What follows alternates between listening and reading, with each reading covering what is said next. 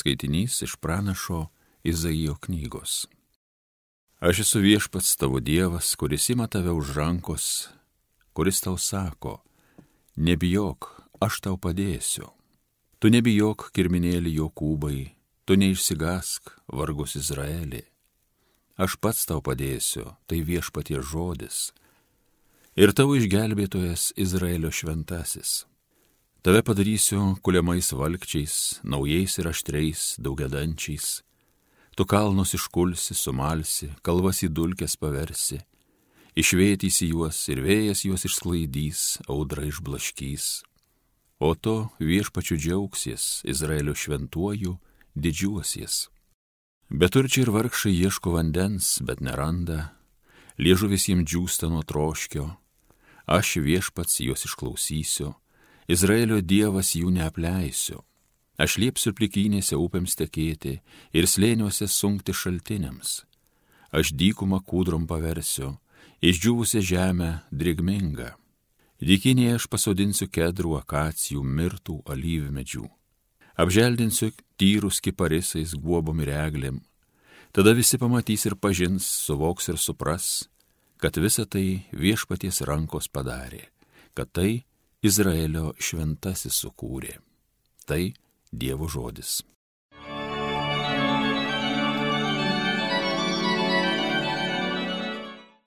Viešpats švelnus gailestingas, didžiai maloningas, rūstaut negreitas. Dieve mano valdove, aš tave šlovinsiu, aš tavo vardą garbinsiu amžiais.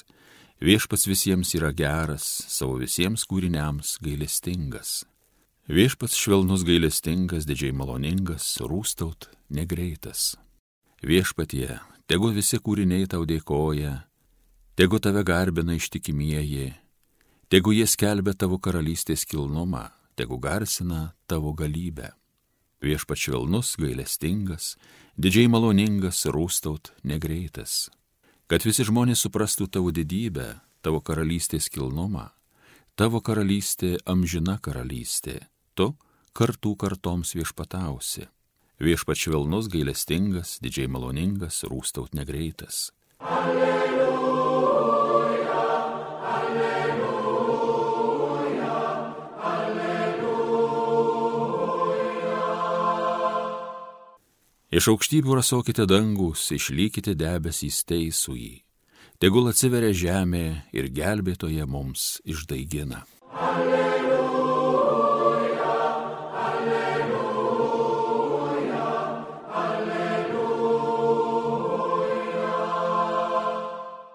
Iš Mato Evangelijos 11 skyriaus nuo 11 iki 15 eilutės. Jėzus kalbėjo minioms, iš tiesų sakau jums, tarp gimusių iš moterų nėra buvę didesnio už Joną Krikštytoje, bet ir mažiausias dangaus karalystėje, didesnis už jį. Nuo Jono Krikštytojo dienų iki dabar dangaus karalystė jėga puolama ir smarkieji ją savo grobė. Visi pranašai ir įstatymas pranašavo iki Jonų. Ir jeigu norite priimti, tai jis yra tas Elijas, kuris turėjo ateiti. Kas turi ausis, te klauso.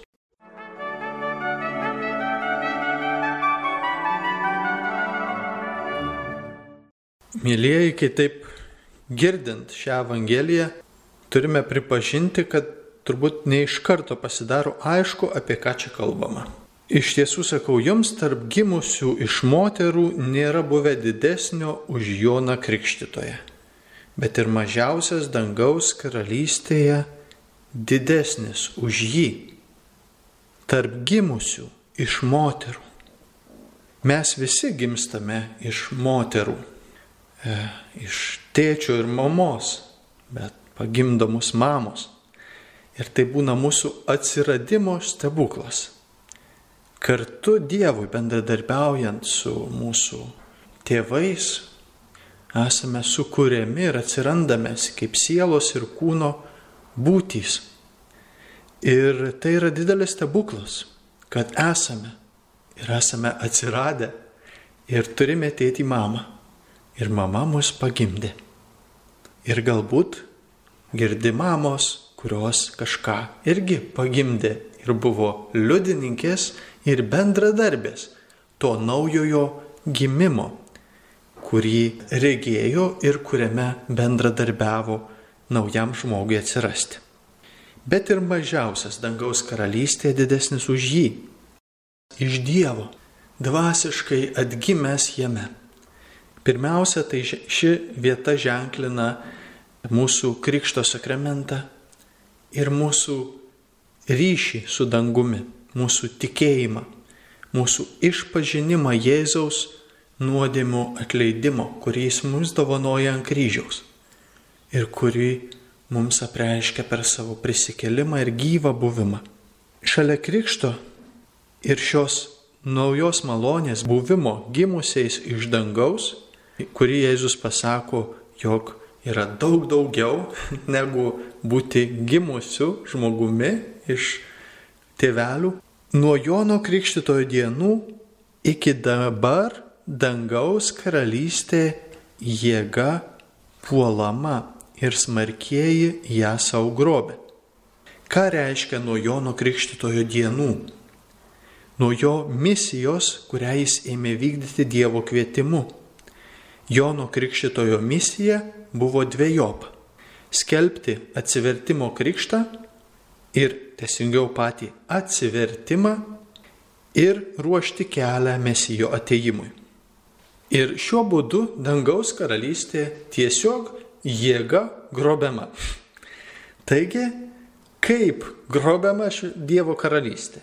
Ji priimama ir ją įžengiama atsivertimu. Atsivertimas tai yra pakeitimas gyvenimo įpročių ir dalykų, kurie akivaizdžiai mūsų gyvenime yra ne pagal Dievo kelią. Ir pasirinkimas gyventi kitokį, atnaujintą gyvenimą. Su tuos susijungia ir atgaila, atsiprašymas už savo klaidas, bet esmė yra mano gyvenimo pakeitimas to, kas buvo neteisingai mano renkamasi iki tol. Ir štai šiame pasirinkime aš turiu dalį. Dieve, suteik malonę ir aš atsiversiu. Taip, o ar nori atsiversti? Visi pranašai ir įstatymas pranašavo iki Jonų. Visi pranašai. Pailiui ir Izaijas, ir Jeremijas, ir Ezekielis, ir Danielius, ir Joelis, ir Abdijas, ir Michėjas, ir visi kiti pranašai. Visi pranašavo. Ir įstatymas pranašavo apie šį naują gimimą, apie šį Kristaus atneštą, Jono skelbtą ir paruoštą atsivertimą būti naujais kūriniais, Dievo vaikais šventosios dvasios šventovėmis, kurias mus Dievas per malonę tokiais padaro. Ir štai Jėzus prideda. Ir jeigu norite priimti, tai jis yra tas Elijas, kuris turėjo ateiti.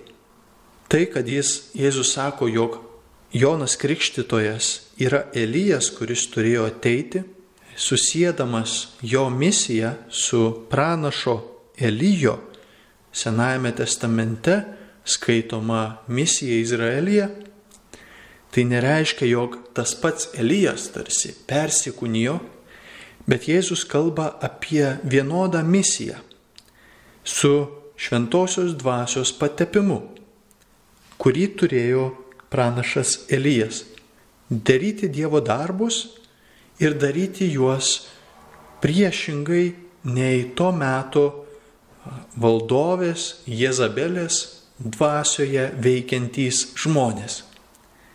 Taigi tam tikras antagonizmas, tam tikra prieštaravimas, kuris buvo Elijo laikais, dvasinė prasme, tarp Elijo ir jo misijos skelbti Izraelio tautos atsivertimą į gyvą į Dievą ir Jezabelės papirktų, nupirktų kunigų pragmatinis ir kartu neteisus elgesys. Ir štai Elijas buvo tas, kuris buvo pašauktas liudyti tą Dievo karalystės buvimą ir ateimą. Jonas Krikštytojas lygiai taip pat yra tarsi vienas, kuris pašauktas liudyti toje nepalankioje aplinkoje apie kitokį gyvenimą ir paruošti Jėzui kaip mesijui ateimą. Jis veikia toje pačioje misijoje, toje dvasioje, tame patepime, kaip ir Elijas. Ir kaip Elijas persekiojamas, jo gyvybei grėsia pavojus, taip ir Jonas Krikštytojas persekiojimas. Elijas paimamas į dangų, Jonas Krikštytojas nužudomas už savo tiesą. Bet ta misija bendra šventosios dvasios dovanota, na panaši. Kodėl Jėzus tai sako? Todėl, kad sako mums, kiekvienam, kurie jo klausome ir Jėzumi sekame, jog mūsų misija yra taip pat. Kiekvienas esame gimę iš moters, iš mamos, mamą ir tėtį turime, esame atgimdyti Dievo vaikais, krikštu, tikėjimu ir esame pašaukti į Dievo karalystę tiesiog paimti jėgą atsivertimu. Dievas mums dovanoja malonę. Taigi atpažįstame, girdime ir suprantame šią vienybę. Ir kartu esame tiesioginėme, toje bendrystėje ir vienybėje, tiesioginėme, asmeninėme santykėje su Dievu, kuris dovanojamas mums kaip pranašams, Kristaus karališkosios kunigystės dalyviams ir jo kunigams, tai yra tarnams žemėje. Tad te paruošia šentoji dvasia mūsų širdis, te perkeičia, išgydo ir išmokina tiesiog grobti dangų savo atsivertimu ir tikru, autentišku gyvenimu pagal Jėzaus šventumą. Jeigu ir suklystame, taip pat kelkimės, atsiverskime, keiskime, atsiprašykime viešpatį skelbdami, jog Jėzus tam ir atėjo, kad mūsų nuodėme prikaltų prie kryžiaus ir mums dovanotų naują gyvenimą jo šventoje dvasioje.